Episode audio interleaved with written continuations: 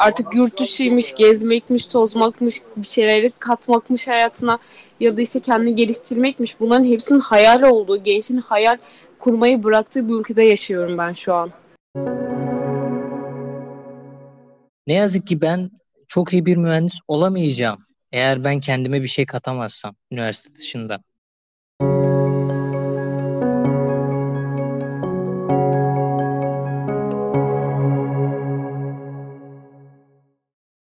Kulağın ikinci bölümünde Kahramanmaraş depremlerinden etkilenen bölgede okuyan iki üniversite öğrencisine kulak veriyoruz. Yusuf Zana Gündüz Adana'da havacılık ve uzay mühendisliği okuyor. Berivan Geçerse Hatay'da laborant ve veteriner sağlık programına devam ediyor. Yüksek Öğretim Kurulu depremlerden 5 gün sonra bahar döneminde tüm ülkede yüksek öğretimin uzaktan yapılmasına karar vermişti. Yusuf ve Berivan bu kararın kendilerini nasıl etkilediğini anlattı.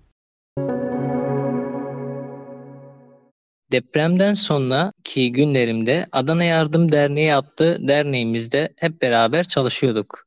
Aynı zamanda ilk üç günde Adana'da aktiftim. Adana'da yardımlarda, enkazlarda çalışıyorduk. İlk üç günün ardından e, memleketim olan Adıyaman'a geçtim.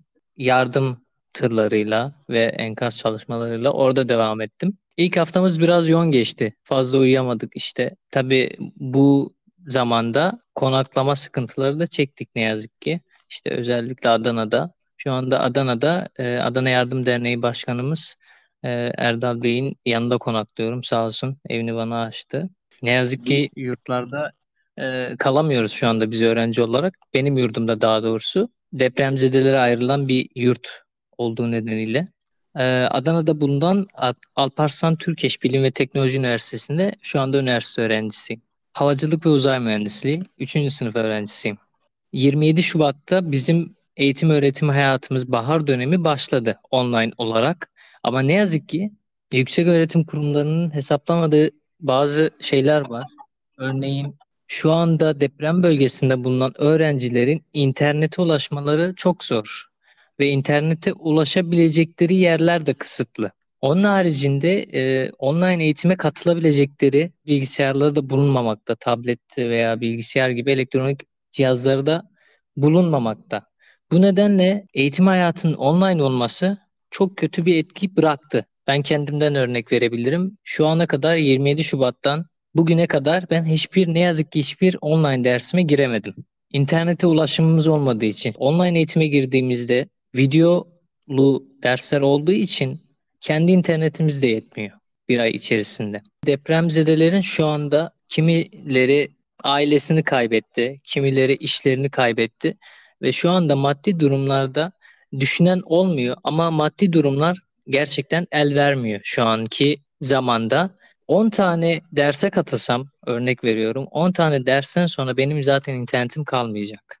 Ve bilirsiniz belki yüksek öğretim kurumlarında e, dersler gerçekten online eğitimde de olsa uzun sürüyor. 2 saat, 3 saat olarak devam ediyor. 2-3 saat videolu bir şekilde ne yazık ki tarifede bulunan internet paketlerimiz de yetmiyor. Onun haricinde e, bir şey daha eklemek isterim. O da şebekeler hala sıkıntılı deprem bölgelerinde. Derse girdiğimizde bazen derslerimizde de web sitelerinde e, sorunlarla karşılaşıyoruz. Örneğin e, sayfanın yüklenmemesi ya da hocanın slaytlarının gözükmemesi tarzında sorunlarla karşılaşıyoruz epeyce. Öğretim görevlileri, yüksek öğretim kurulunda çalışan öğretim görevlileri depremzede öğrencilerinin ne gibi durumlarda yaşadıklarını bilmedikleri için üstüne ödevler, projeler gönderiyor ve bunun üzerinden onları değerlendiriyorlar. Ki benim karşılaştığım da durumlardan biriydi. Ben yurtta kalan bir öğrenciydim. YSB yurtlarında kalan bir öğrenciydim. Ve ilk günden beri depremin birinci günden beri e, bir karar çıktı. Yurtların depremzede ailelere devredilmesi tarzında, işte onlara açılması tarzında. İlk zamanlar ilk gün yurttaydım ben. İlk gün bazı aileler geldi sığınmak için bu karardan önce. E, biz beraber kalıyorduk. Yani yemek falan yiyorduk. Ben zaten birinci gün, ikinci gün ve üçüncü günde yardım derneğimizin başkanıyla beraber kalıyordum. Çünkü beraber çalışıyoruz. Enkazlarda çalışıyorduk Adana'da. Yardımlarda çalışıyorduk. ve zaten geç saatlere kadar çalıştığımız için sadece uyumak için o da uyumak dediğim iki saat falan için e, geçiyordum. Ama ardından e, üçüncü günün ardından memleketim olan Adıyaman'a geç geçerken bu karara e, işte karşılaştık. Ben sadece bir bavulumu almıştım. Adıyaman'da yardımda çalışırken arkadaşlarımız haber verdi. Daha doğrusu yönetim haber verdi. Eşyalarını alabilecekler lütfen alsınlar, teslim alsınlar. Alamayacak olanlar ise yönetim kurulu yönetim tarafından paketlenip e, teslim alınacak. Bu yurt depremzedelere açılacak tarzında bir mesaj geldi. Bu mesajın ardından e, arkadaşlarımız işte biz zaten normalde diğer yurt olarak, yurttaki öğrenciler olarak bir korku sardığı için herkes kendi memleketlerine gitti. Ve aniden bu kararla biz şok olduk. Çünkü eşyalarımızın, özel eşyalarımız var, önemli eşyalarımız var. Hepsi içeride ve yönetim yönetimden aniden bir mesaj alıyoruz ve bizden özellikle depremzede öğrencilerinden gelip de eşyalarını almaları isteniyor. Aynı zamanda istenme sebebi de depremzedelere kapılarını açması. Kendimden örnek vereyim. Ben bir depremzede öğrenciyim. Adana ve Adıyaman'da ben tekrardan söyleyeyim. Ne yazık ki evimizi kaybettik biz. Evini kaybeden bir öğrenciyim ben. Depremzedeyim. Ailem bir depremzede. Ben e, bu kadar şeyin içerisinde yönetimden telefon açıyorlar bana. Buraya gelip eşyanız alınması lazım.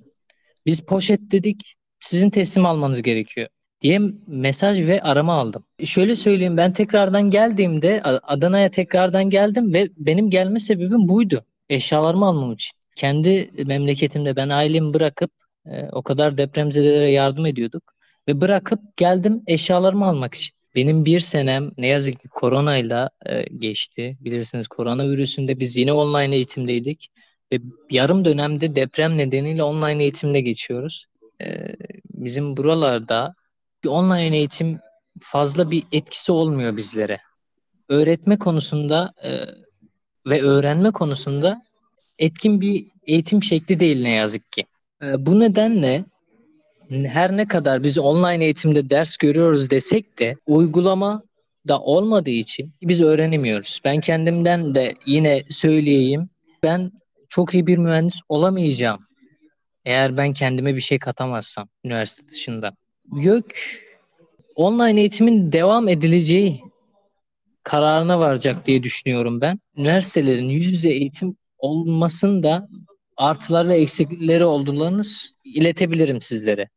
Artılarına bakılınca yüz yüze bir eğitime girebilirsek, yüz yüze eğitime devam edebilirsek ve bizler o psikolojik men destek alabilirsek üniversitelerimizden veya YÖK'ten çok fazla faydasını görebileceğimizi düşünüyorum. Ve bizleri daha çok kaynaştırımda acılarımızı unutabileceğimizi düşünüyorum. Ama e, bazı dezavantajları da var. Örneğin erişebilmek gibi. E, ne yazık ki deprem bölgelerinde birçok insan var ve bu insanlar e, çok fazla şey kaybettiler maddi manevi olarak. Maddi kayıplarından dolayı yüz yüze eğitim olsa dahi bu insanların erişebilmeleri nasıl olacak? Devlet tarafından destek verilmesi gerekiyor. Ayrıca manevi olarak manevi tarafından bakılınca gerçekten bizleri o manevi konuda destekleyebilecekler mi? Psikolojik yönden destekleyebilecekler mi korkusu da var. Eğer bunlar gerçekleşmezse ne yazık ki yüz yüze eğitimin de pek bir faydasını göremeyebiliriz.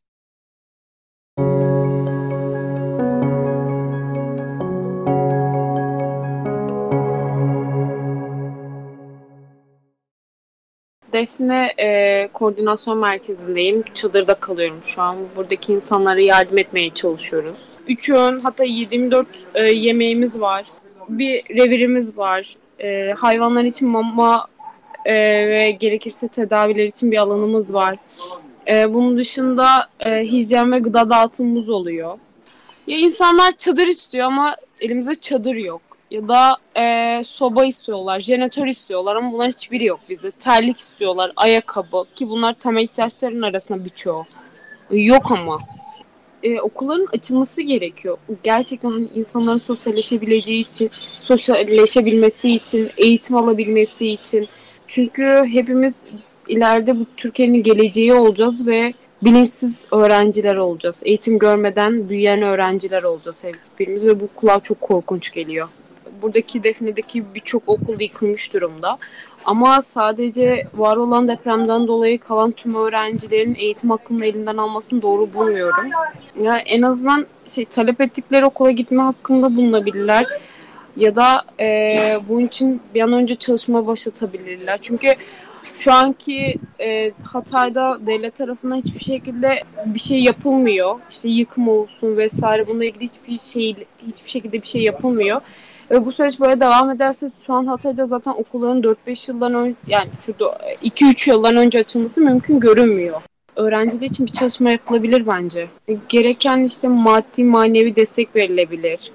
Ve öğrencilerin talep ettikleri şehirde istediği gibi hani devam ettirilebilir. Bilgisayar ya da internet desteği verilebilir.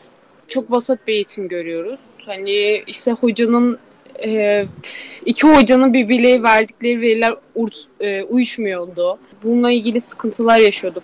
Hani yüzde olurken bile. İşte hocam bu bilgi verildi. Hoca diyor ki öyle bir şey yok. Hani bu konuda bile sıkıntı yaşıyordu. Gerçekten Türkiye'de en iyi veterinerlerden bir tanesi olmak istiyorum. Hani bilim insanı, denek hayvanlarla ilgili birçok şey yapmak istiyorum ve bu ülkede e, ilk mesele ilk e, tercih sonucum açıklandığında şey denildi bana. Ya sen kızsın tırnak içerisinde yapamazsın bunu denildi. İşte başaramazsın erkek mesleği o. Çevrendeki insanların birçoğu bu tarz söylemleri oldu. Ama ben buna rağmen ayakta durabilmenin, bir kadın başına ayakta durabilmenin, maddi ve manevi kimseye e, bağlı kalmadan ayakta kalabilip ve çok iyi bir veteriner olup insanlara bunu göstermek istiyorum. Ki kendime de hani çok şey yaşadık şu son 40 günde. Hani birçok insanın hayatında belki 10-15 yıllık hayatına sığdırabileceği şeyleri ben 40 güne sığdırdım sanırım. Hatta daha kısa bir süreye. Birçok insanın küçümsediği, işte daha 21 yaşındasın da gördün ki ya sen dediği yaş yaşta ben bu ülkede darbeyi de gördüm. Ekonomik krizi de gördüm. İşte üniversitedeki gençlerin ya bugün sigara paramızı çıkartabilir miyiz acaba dediği söylemleri de duydum. Yani artık yurt dışıymış, gezmekmiş, tozmakmış, bir şeyleri katmakmış hayatına ya da işte kendini geliştirmekmiş. Bunların hepsinin hayal olduğu, gençin hayal kurmayı bıraktığı bir ülkede yaşıyorum ben şu an. Hmm, planladığım birçok şey sekteye uğradı hani. Çünkü hayatım yaklaşık 3 dakikada falan tamamen yok oldu diyebilirim. Ee, yeniden başlıyoruz her şeye. İlk e, hedefim seçim. Bir an önce işte seçim çalışması yapıp bununla ilgili gece gündüz yatmayıp hatta. Çünkü 20 yıllık hayatım benden çalanlarla hesaplaşacak çok şeyim var. Bunun ardından e, bir an önce bu dönemi bitirmek e, hatta dereceyle bitirmek istiyorum. Diğer taraftan da DGS çalışmak istiyorum. E, şu an böyle düşünüyorum. Hani okulu gerçekten iyi bir şekilde bitirip hayal ettiğim şeylere yavaş yavaş adım atmak istiyorum.